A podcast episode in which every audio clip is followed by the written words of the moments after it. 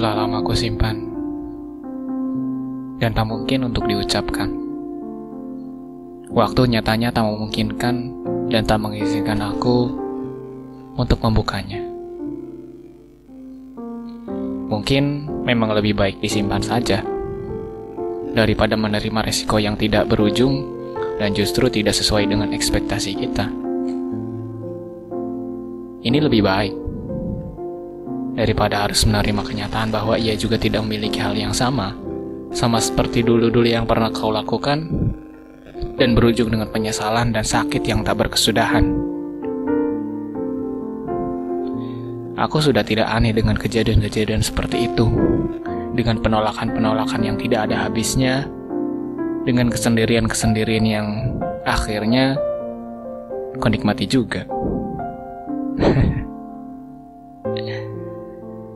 Lantas, jika semua perasaan sudah tidak berlaku lagi untukku, bagaimana aku mendapatkan sesuatu yang orang lain sangat harapkan? Sesuatu yang sangat orang lain inginkan, nyatanya yang justru aku sangat hindari.